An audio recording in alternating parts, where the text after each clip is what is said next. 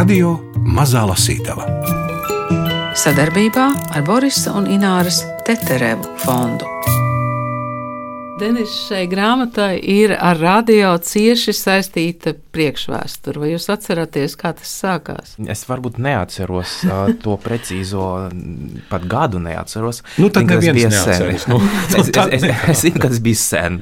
Vismaz kādi septiņi gadi vai astoņi. To varbūt var arī paskatīties pēc arhīva, bet uh, jebkura gadījumā es atceros, ka man bija liela interese par 17. un 18. gadsimta itāļu operu. Un tad uh, es klausījos, protams, radio klasikā, un es kāda brīdi vienkārši tas tie teksti tā akumulējas, jo īstenībā nu, gribas arī pastāstīt par to. Un es domāju, ka man kā pedagogam tā vienīgā funkcija šai dzīvē ir tiešām stāstīt tālāk par to, ko es pats esmu uzzinājis.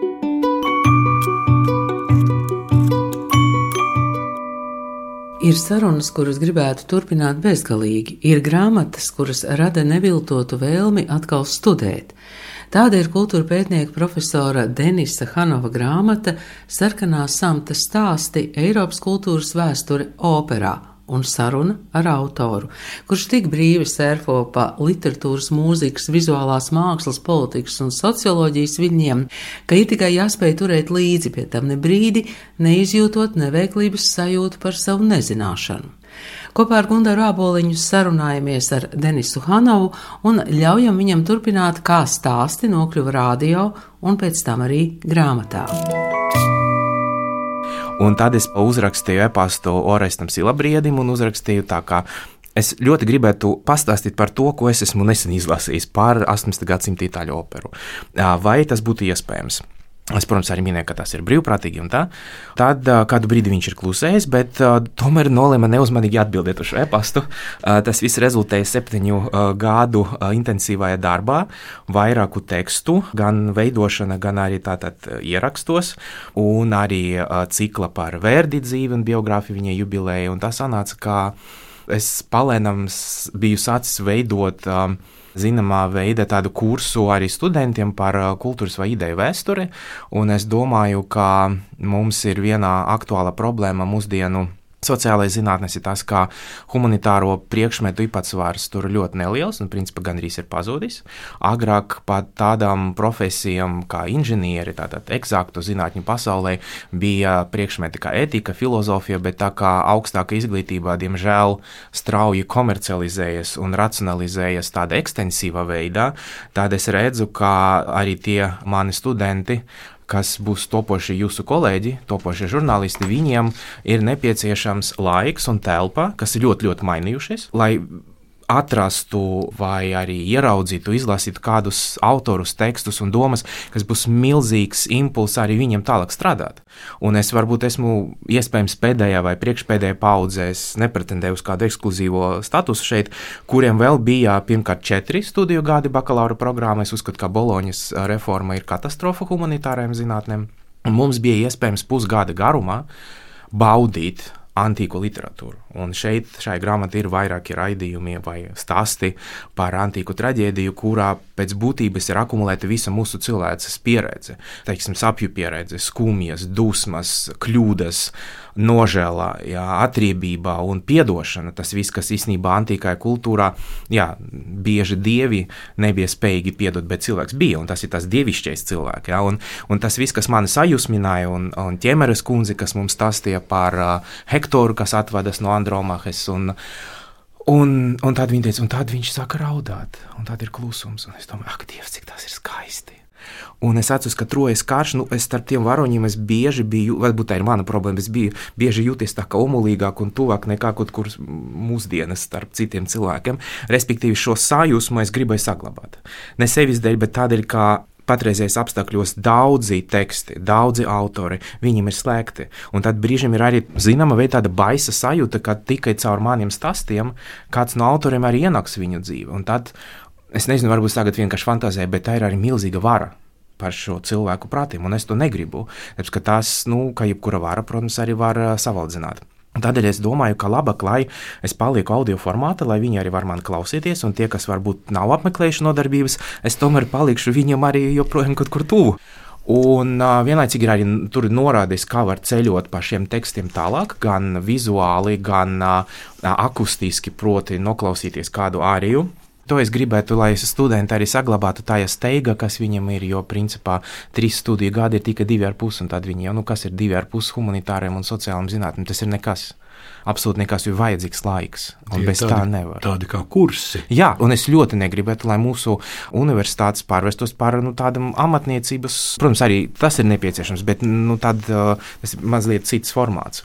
Un uh, it sevišķi žurnālistam ir jāoperē ar idejām, ar atsaucēm. Visa mūsu dzīve ir atsauces. Viss, ko es šeit stāstu, pēc būtības viss ir sen pateikts. Ja? Katrs no mums, kad kaut, kād, kaut ko rakstā, vienmēr zinās, ka tas stāsts jau ir izstāstīts. Bet tā, tā vieta ir arī interpretācija. Un es joprojām dzīvoju teikt, ar to mantojumu, ko es esmu ieguvis Kultūras akadēmijā tā sajūsmā, kas acīm redzami pagaidām vēl nepazūd, un tā arī izpaudas šajos stāstos un arī raidījumos. Un vienmēr ir ļoti jauki būt mazliet arī arheologam, atrast kādu operu, par kuru neviens nav neko dzirdējis. Jā, respektīvi, Berlīnē atrodas zināmā veidā operas mīļu tāda paradīze, kas uzbūves ziņā atrodas veikala dusmans, bet paša pagrabstāva, tā kā tāda teatrālajā elle, bet īstenībā tas tāds elīzijas, ja, kur var ieiet un tāds staigāt, staigāt stundām gar plauktiem. Gan tie plaukti arī samazinās, diemžēl, Bet nu, no turienes parasti atrodu kaut kādas tādas dārgākmeņus, un tad ap to veidojas arī stāsts. Un ir ļoti svarīgi, lai arī studentiem būtu iespēja iekļaut kādu savu stāstu arī plašajā kontekstā, jo aizvien biežāk to var arī redzēt, diemžēl, arī režijā. Aizvien jaunāki režisori, nu, viņiem ir tāds sajūta, ka viņi atklāja šo pasauli. Tas droši vien tā ir burvīga sajūta, bet daudz kas ir bijis 60. gados, 70. gados. Teātris ir bijis tā disidentisma telpa, kur varēja lasīt starp rindiņām. Ja? Bet ir nepieciešama arī zinātņu kaut kāda biogrāfija, un tas ir viens no šiem nu, nosacīt mērķiem.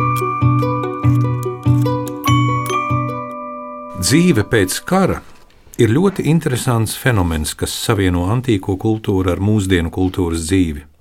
Arī ar mūsdienu eiropiešiem, jo īpaši ar tiem, kas vēl atceras to 20. gadsimtu, kad nācās dzīvot telpā, kurā atmiņas bija bīstamas, kurā atcerēties pareizi bija garants izdzīvošanai, savukārt atcerēties nepareizi nozīmē pakļaut riskam gan sevi, gan tuviniekus. Tāpēc reizēm atcerēšanās var nozīmēt varoņdarbu. Austrum Eiropas kultūrā, pie kuras piedaram arī mēs, ir labi zināms, ko nozīmē atmiņas kā līdzeklis, lai cilvēku izslēgtu no sabiedrības, diskriminētu, pat iznīcinātu fiziski. Dzīvojot pēc kara, reizēm šķiet, ka nāve dod iespēju atbrīvoties no sāpēm bet cilvēks, kurš turpina dzīvot tālāk, ir spiests, spiests sastapties ar savām sāpēm un dusmām. Dievi nesaudzē cilvēkus. Aizhila traģēdijā Agamemnons no triloģijas Orestija viens no varoņiem stāsta, ka dusmas un sāpes ir tik lielas, ka nav iespējams tās pārvarēt. Nekādi rituāli, dievkalpojumi vai upurēšanas te nepalīdz. Ne upuri, neviena zieds dusmas remdināt nespējas. Tieši dusmas ir atslēgvārds Solēra operai. Pēc vācu filozofes Hannas Ārentes domām vēsture ir senāka nekā Homēra episkais stāsts. Viņas prāt vēsture sākas brīdī, kad Odisejs, jeb Ulis, kādās dzīrēs Fajāku valdnieka pilī no citiem izdzird stāstu par savu ceļojumu un piedzīvojumiem. Tātad tas ir nevis viņa personīgais pārdzīvojums, bet gan citu cilvēku stāsts par viņa nelaimēm un māju ceļu. Ārente uzskata, ka vēsture ir tuva atdarināšanas mākslai. Tas ir stāsts par manu piedzīvojumu, manām emocijām, bet es pats šajā stāstā šķietami nepiedalos. Šeit rodama saikne ar Aristoteļa poētiku, kurā viņš raksta, ka cilvēkam ir raksturīgi atdarināt dabu, kopēt to. Ar karu sākas arī Eiropas literārās atmiņas, tātad Eiropas vēsture. Jebkurā karā, gan uzvaras, gan zaudējuma gadījumā, arī uzvarētāji ir cietēji, jo karš pārveido visus. Karš, kā viens no senākajiem kultūras konfliktiem, ir arī daļa no mītiskās pasaules. Karš caurstrāvo sengrieķu pasauli.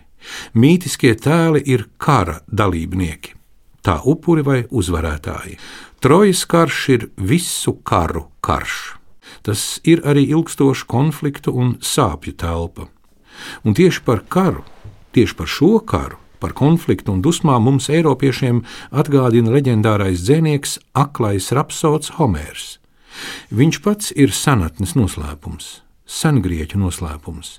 Nav droši zināms, vai viņš vispār ir dzīvojis. Vai viņš ir reāla vēsturiska figūra, bet varbūt rapsodu jeb dzinieku dziedātāju kolektīvs iemiesojums, simboliska figūra. Mēs arī nezinām, vai viņš patiešām bija akls. Viena no versijām pauž, ka Homēra aklums bijis drīzāk simbolisks, kā dzinieka īpašā saikne ar dievu pasauli, kā iespēja redzēt to, ko pārējie neredz. Tātad saikne ar sakrālo dievišķo. Un, ja tā, tad Homērs ir cilvēks, kurš atklāj mums dievu gribu, pagātni, senatni, viņš atdzīvina vēsturi.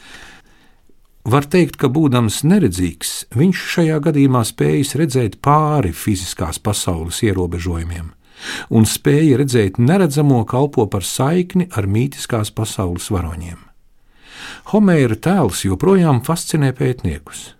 Ļevs Klains, kas daudzus mūža gadus veltījis Īlijādai, savā grāmatā ar nedaudz pretenciozo nosaukumu Atšifrētā Īlijāda ir aprakstījis Homēra noslēpumu šādi.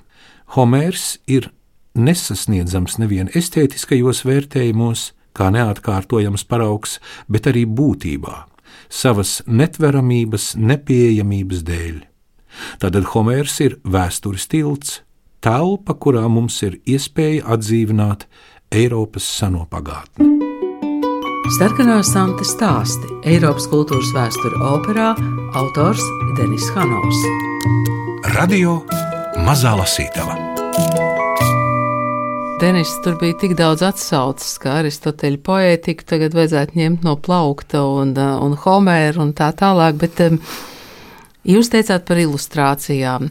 Es pamanīju, ka tur ir tādas uh, nu, atsauces uz noteiktām operu ārijām pa vidu. Jā, tik tiešām, kā es esmu jau minējis, šī grāmata daļa ir multimediāla savā būtībā, un šeit ir iespēja gan lasīt, gan paralēli varbūt arī uzlikt YouTube vai vēl kaut kur noteiktu arī, un tad pieskarties arī tam materiālam, ar kuru esmu strādājis rakstot, jo, nu, diemžēl tā nosacītā digitāla nemirstība arī ir ļoti tāda nosacīta lieta. Bet vienlaicīgi arī ir arī stāstījumā tāds impulss, jo operā ir arī uh, izteikti politiska māksla. Ja? Operā ir līdzīgi kā tas ir arī citas mākslās, vienmēr ir pausta vara, varu attiecības, krīzes, konflikti, priekšstati par to, kas ir pareizi, un ir vairāki arī sociologi, kas runā par to, ka operas telpa, tātad teātris, ir sava veida tādam varbūt varas telpa, kur ļoti strauji var mainīties arī cilvēku status, tāda birža zināmā veidā, piemēram, cik attālināts cilvēks ir no valdnieka ložas. Tas bija absolūti skaidra norāde, ka tas ir tieši kā tāda birža, tas akcijas. Ja? Tad var uzdevināt ložu, var teiksim, to izīrēt, var aicināt savā ložā, teiksim, starp brīdi, var neaicināt, uh, un tā tālāk. Un tā tālāk. Ja, tā kā teātris vienkārši ir piepildīts ar politiskam nozīmēm, un to visu arī vairāki sociologi ir izpētījuši. Bet tā tad operas teātris jūsu šajā versijā ir tāds pasaules modelis. Es domāju, ka jā, tāpēc ka gan uz skatuves, respektīvi, tur ir vairāki spoguļi, kas ir novietoti viena telpā. Protams, mecenāti, pasūtītāji, gan valdnieks, gan uh, aristokrātija, gan vēl arī vidusšķira, vai arī autoritārie režīmi, vai arī totalitārie, kā piemēram komunistiskais režīms, ir veidojuši savas projekcijas arī uz skatuves. Bet jūs minējāt politikas klātbūtni teātrī. Man tas vairāk izklausījās, ka teātrī, ap teātra apmeklējums, būšana izrādē. Nevis pati izrāde, bet tā klātbūtne teātra namā, teātra spēles telpā ir izmantojama kā politisks instruments, bet vai pati izrāde arī tikpat lielā mērā, vai tomēr izrāde paceļas pāri politikai? Um, jā, un nē. Uh, respektīvi, lai pabeigtu šo stāstu par libretu, un tad, kad šī opera tika uzvesta, īsi pirms tam bija veiktas izmaiņas libretā un uh, ir arhīva materiāli. Tie nav vienkārši nostāsti. Tā ja paša naktī vai no rīta citu valstu uh, vēstnieki ir sūtījuši vēstules, ka Pēc vakardienas otrā cēliena libreta izmaiņām šķiet, ka polijas jautājums vēl pagaidām netiks atrisināts. Ja? Es kad stāstu studentiem, viņi domā, nu gan tam pasniedzējiem problēmas, vai ne? Viņš fantazē un fantazē. Ja? Vai, piemēram, kā Josifs II blakus visam savam reformam un arī militāram akcijam, viņam vēl bija laiks lasīt sudzības starp itāļu un franču teātra trupām, un tad piedalīties tajā un rakstīt savam vēstniekam uz Parīzi, ka viņš ir ļoti neapmierināts par franču publikas, nespēja saprast Salieri daļrādi. Ja? Jūs varētu iedomāties kādu no mūsu premjeriem, kas kaut ko tādu raksta, jā, vai sēž ložā kā Gustavs III un tur nosacīti strādā par karali. Jā. Un tas, protams, man sajūsmina tādēļ, ka nu, tā ir nenoliedzami dziļa saikne starp mākslu un politiku, vai izrāde paceļas, nu, bet noteikti, jo pats uh, radošais process, arī iekšē estetiskie strīdi, kas opera ir svarīgāk, vārds vai mūzika, jā, ir, teiksim, šis pazīstamais itāļu strīds vai arī franču strīds par to, cik liela mērā franču operu ietekmē itāļu operu un drīz drīkst vai nedrīkst, un tā sintēze tad ir īsi pirms revolūcijas. Tas viss parāda to, ka pēc būtības tā ir bijusi laikmetīga mūzika. Un cieša saikne arī ar vēl vienu faktoru, kuru mēs arī mūsdienas nevaram ignorēt. Tā ir izklaides kultūra un, protams, arī tas, ka nu, operas uh, repertuārs uh, ir arī komerciālais jautājums. Ja tā nav valstiski atbalstīta opera, ka tas ir bijis Francijas galma, tad, nu, tur visu laiku vajadzēja izklaidēt, un vajadzēja vēl vairāk izklaides, un vēl uh, sarežģītākas, teiksim, sarežģītāki vokāli vingrinājumi, un vēl, teiksim, tādu satriecošāku balsi.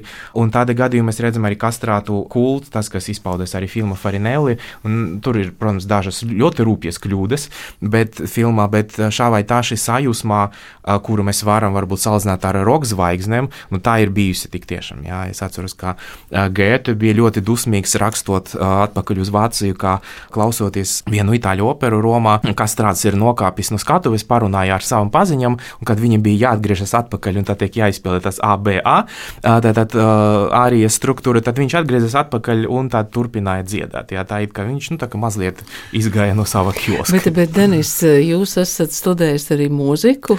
Nē, es esmu diletants, es spēlēju kādreiz klavieres, bet es biju slings un vecāki ir nepiespiedamā, tā ka mans sasniegums bija, protams, klavieru izvilkums. Fragmenti. Jā, fragmenti no burbuļu flautas uvertīras. Tas ir viss. un pēc tam es, protams, ļoti nožēloju. Es mēģināju atgriezties atpakaļ ar Bāha menuētiem, un tā, tā kā nē, es neesmu to studējis. Nē, drīzāk tas, kas man uh, interesē, ir uh, operas socioloģija. Jā, tad, tad, uh, bet nu, vispārējais ir diletantisms, bet es uzzināju, ka diletants ir no itāļu valodas vārda dileto, kas nozīmē prieks un bauda. Tā kā es to arī baudu, nebūdams profesionāls. Paldies par šo tulkojumu.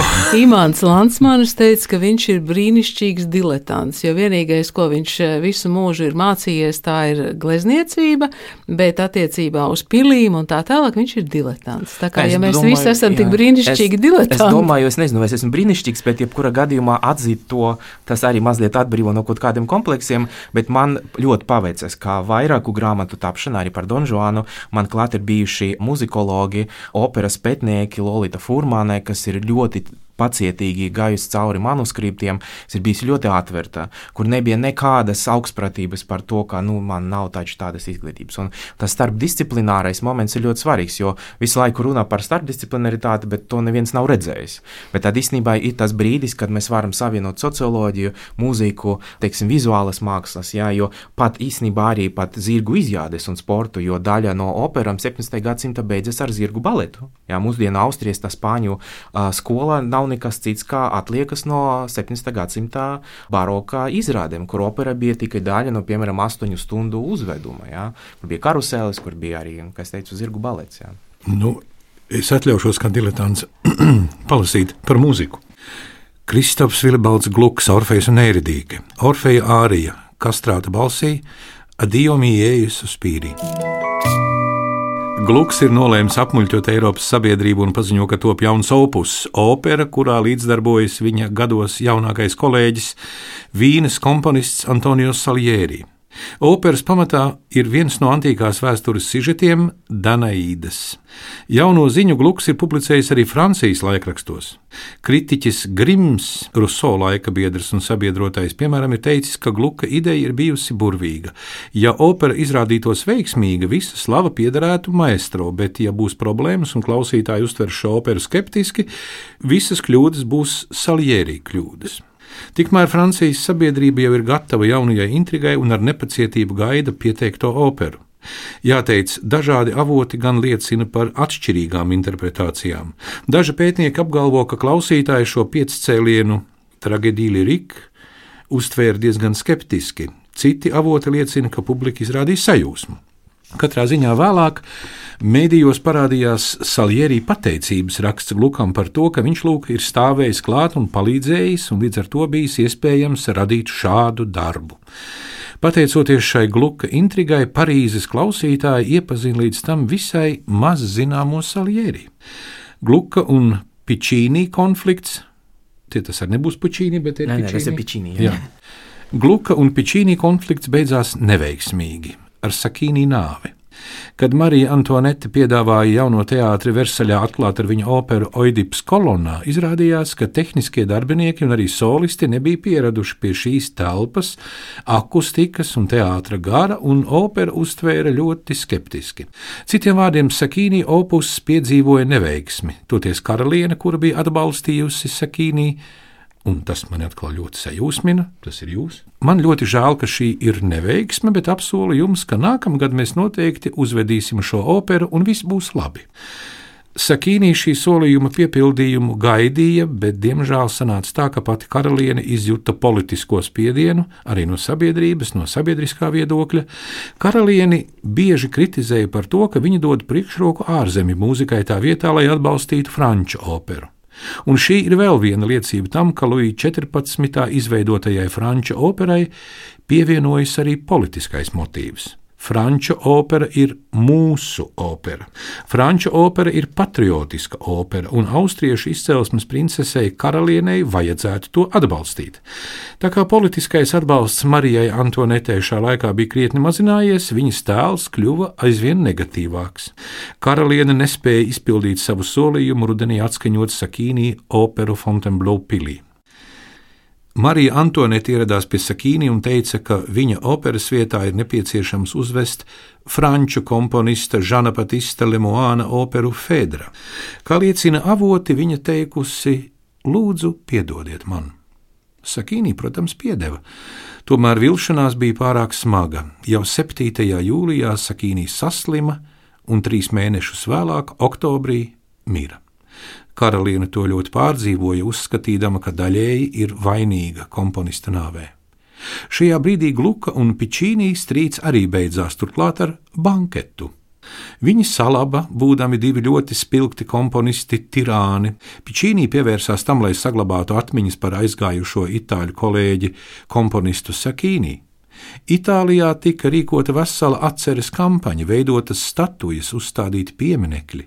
Francijā tā vietā, lai veidotu pieminekļus, tika nolemts atskaņot komponista darbus, tostarp operu Oidips kolonnā, un, kā raksta Grims, šī opera, kas tika izrādīta 1787. gada 30. janvārī Parīzes operā, bija ārkārtīgi veiksmīga. Vienlaikus aprakstnieks ar nelielu skepsi un ironiju piebilda, ka komponista dzīves laikā opera diez vai būtu bijusi tik veiksmīga, taču Sakīnijas skumjā un traģiskā nāve ir nodrošinājusi viņas sacerējumam pēcnāves slavu. Te arī varētu apstāties. Tā tas tev rakstīts, te arī varētu apstāties. Jā, te arī varētu apstāties. Nu, ir pilnīgi skaidrs, ka tā jūsu interese neaprobežojās ar 17. un 18. gadsimta operām. Jā, tik tiešām tā ir. Šajā grāmatā uh, mēs ar klasikas kolēģiem un redaktoriem veidojam tātad, uh, varbūt tādu zina veida sarakstu no 17. gadsimta sākumā, no pirmās operas, tātad uh, opera, kas ir sauktā teikt, sievietes vārdā Eiridīke un kas ir tapusi Florence, līdz pat mūsdienu 20. gadsimta 90. gadiem operas Versaļas poki un Anna Karenina.